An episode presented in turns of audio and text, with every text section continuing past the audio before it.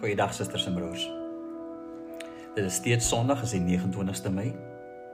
Vanoggend het ons een van die temas behandel van ons Pinkster reeks waarvan jy die tema ken, waak en bid.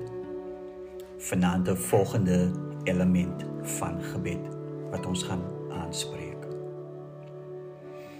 Dit bly vir ons besonder dat ons op 'n manier soos hierdie oor gebed kan praat. Ek dink ons het al baie oor gebed gepraat. Selfs seker ook al konferensies en werkswinkels bygewoon oor gebed. Gebedsaande selfs. Maar vir nou na 'n lang tyd het ons die geleentheid om 'n bietjie te praat oor die elemente in gebed. So vriende, ons is reg om te begin. Ek open vir ons met gebed en ons kyk na 'n volgende tema vir vandag. Ons sluit die oë. Hemelse Vader, dankie Here dat U woord elke slag nuut is. Dankie Vader, maak nie saak hoe lank ons en vir hoe lank ons die woord lees nie. En selfs hoeveel keer Here ons dieselfde goed lees nie. En selfs Here gebed waarmee ons daagliks te doen het. Steeds Here leer ons. En Here, help ons om soos altyd te besef, Here, dat U oneindig meer is. En dat U ook Here vir ons soveel meer kan leer en laat verstaan. Sien ons nou, Here, terwyl ons besig is in die naam van ons Here Jesus Christus. Amen. Ons tema vir vandag is wees waaksaam. En ons teksgedeelte Kolossense 4 vers 2. Die apostel Paulus skryf dit soos volg: Volhard in gebed, wees waaksaam en dankbaar as jy bid. Dis ons teksvers. Jy het die woordjie waaksaam in ons teks gehoor. Volhard in gebed, wees waaksaam en dankbaar as jy bid. So dis ons tema om waaksaam te wees. Ons onthou die woorde van Jesus Christus. Toe Jesus Christus in Getsemane was en vir sy disippels gevra het, kon hulle nie net 1 uur saam met hom waak nie.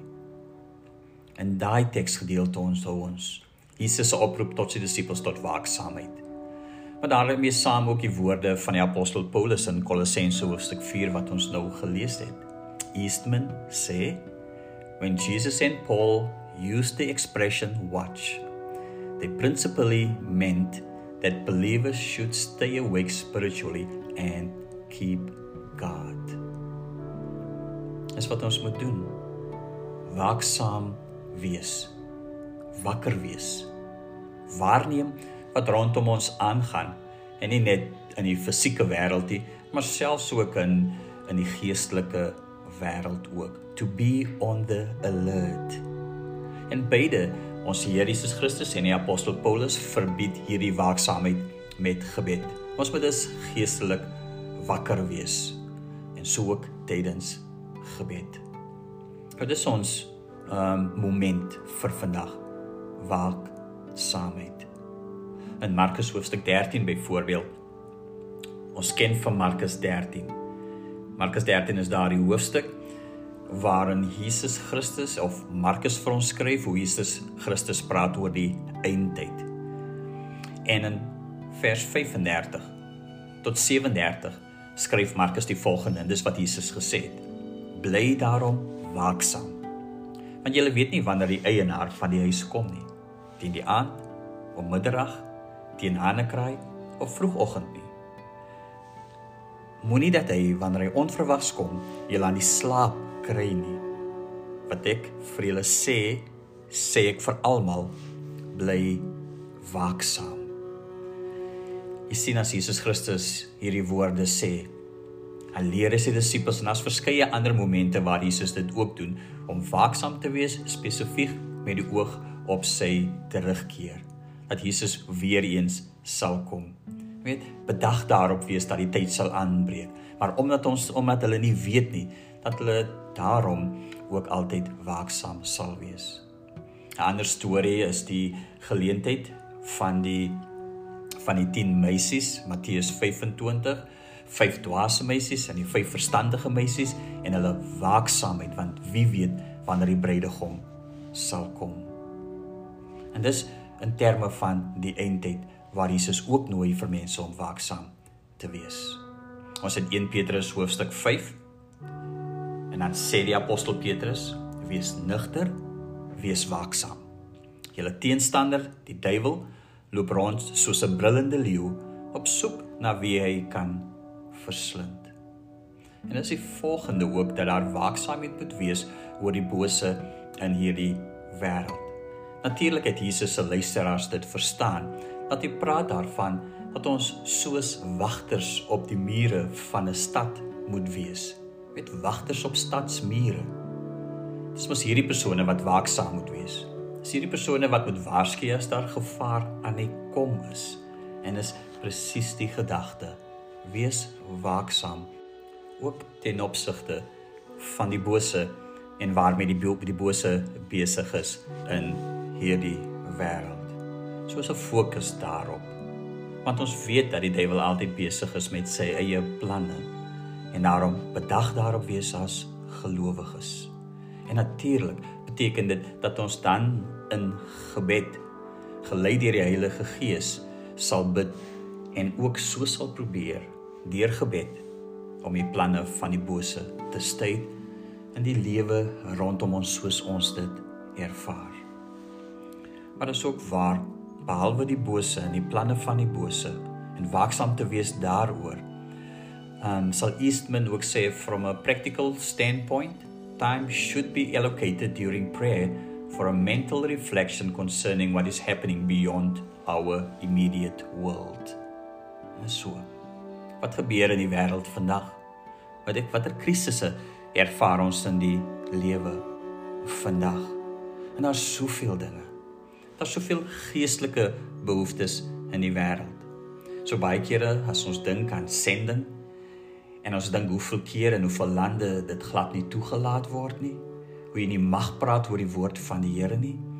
Maar ook as jy dink aan die afvalligheid wat tans in die wêreld heers en ons hoef nie eens ver te gaan daarvoor nie dat daar net 'n absolute geestelike behoefte is in hierdie wêreld. En as ons mense dit nie besef nie en daarom ook waaksaam wees hieroor, bewus wees hieroor en daarom ook dit in gebed na die Here te bring.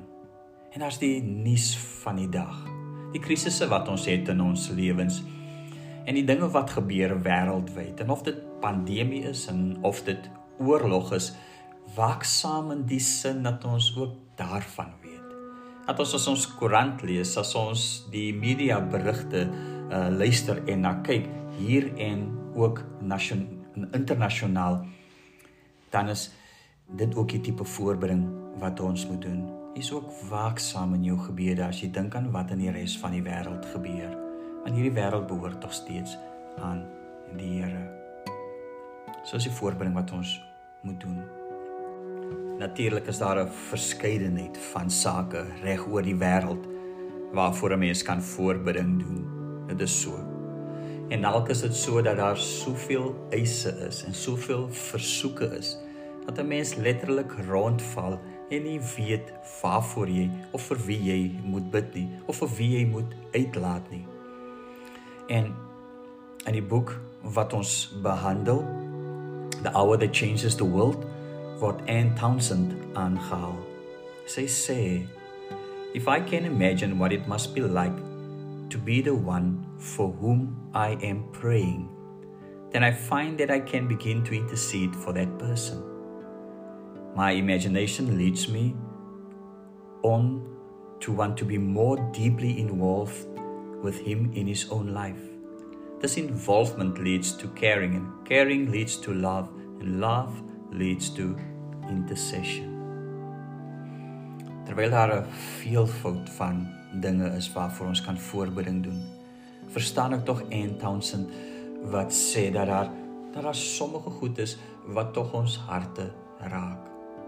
Daar sommige goed wat iets in ons wakker maak.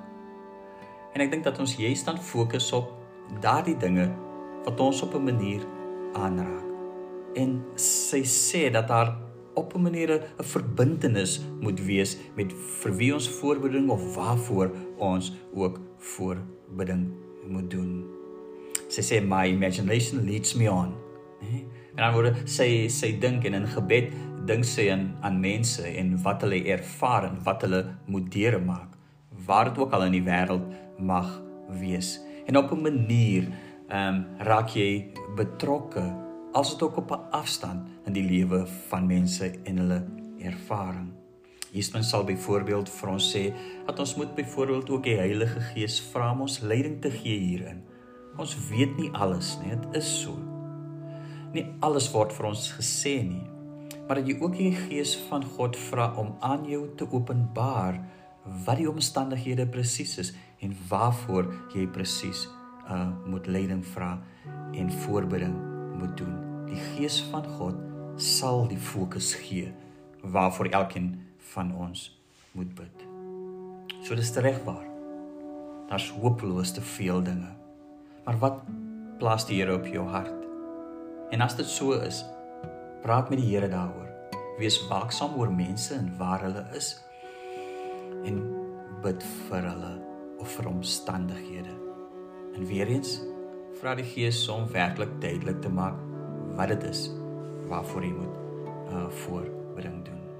So dis ons tema vir vandag. Waaksaamheid. Dis die element wat ook in ons gebed moet wees. Ek besef, ek sal dit weer noem. Ons het verskeie elemente nou al sover behandel. Ons is nou al 5 sover. Maar onthou wat die gedagte is. Die gedagte is dat ons nie net 2, 3 minute sal bid nie, maar dat ons ten minste 'n uur in gebed sal wees. As ons dit op hierdie stadium nie reg kry dan dan probeer ons vir om hierdie momente 'n minuut elk aandag te gee in ons gebede. Ons sal 12 minute kan bid hieroor. Die gedagte is om tyd te spandeer met die Here. Miskien is sommige van die elemente na in die hart, miskien is ander ver van U. Maar wat die Heilige Gees ook al vir U aanwys, gaan daar volgens. Hier is nie veronderstel om 'n wettiese gebed te wees nie, geensins nie. Dit moet steeds 'n gebed wees waarin die Gees van God ons lei. En dis wat ons altyd moet onthou. Mag die Here help met die gebedslewe. Um om dit ter harte te neem toe te pas en te ervaar hoe die Here werk. Amen.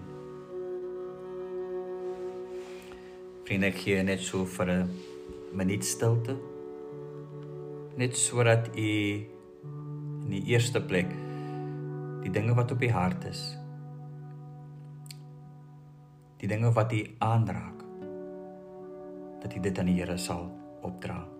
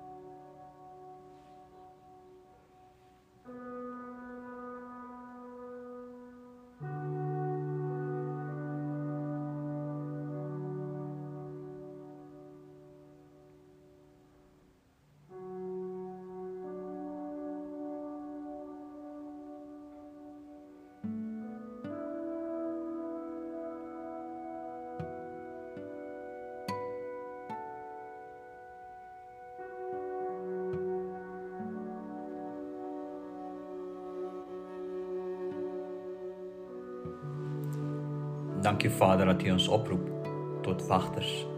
Wagters op stadsmure. Waaksaam.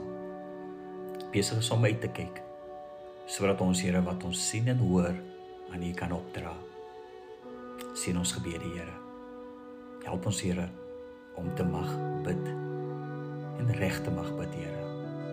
Die genade van ons Here Jesus Christus, liefde van God, troos en bemoediging van die Heilige Gees is saam met ons almal.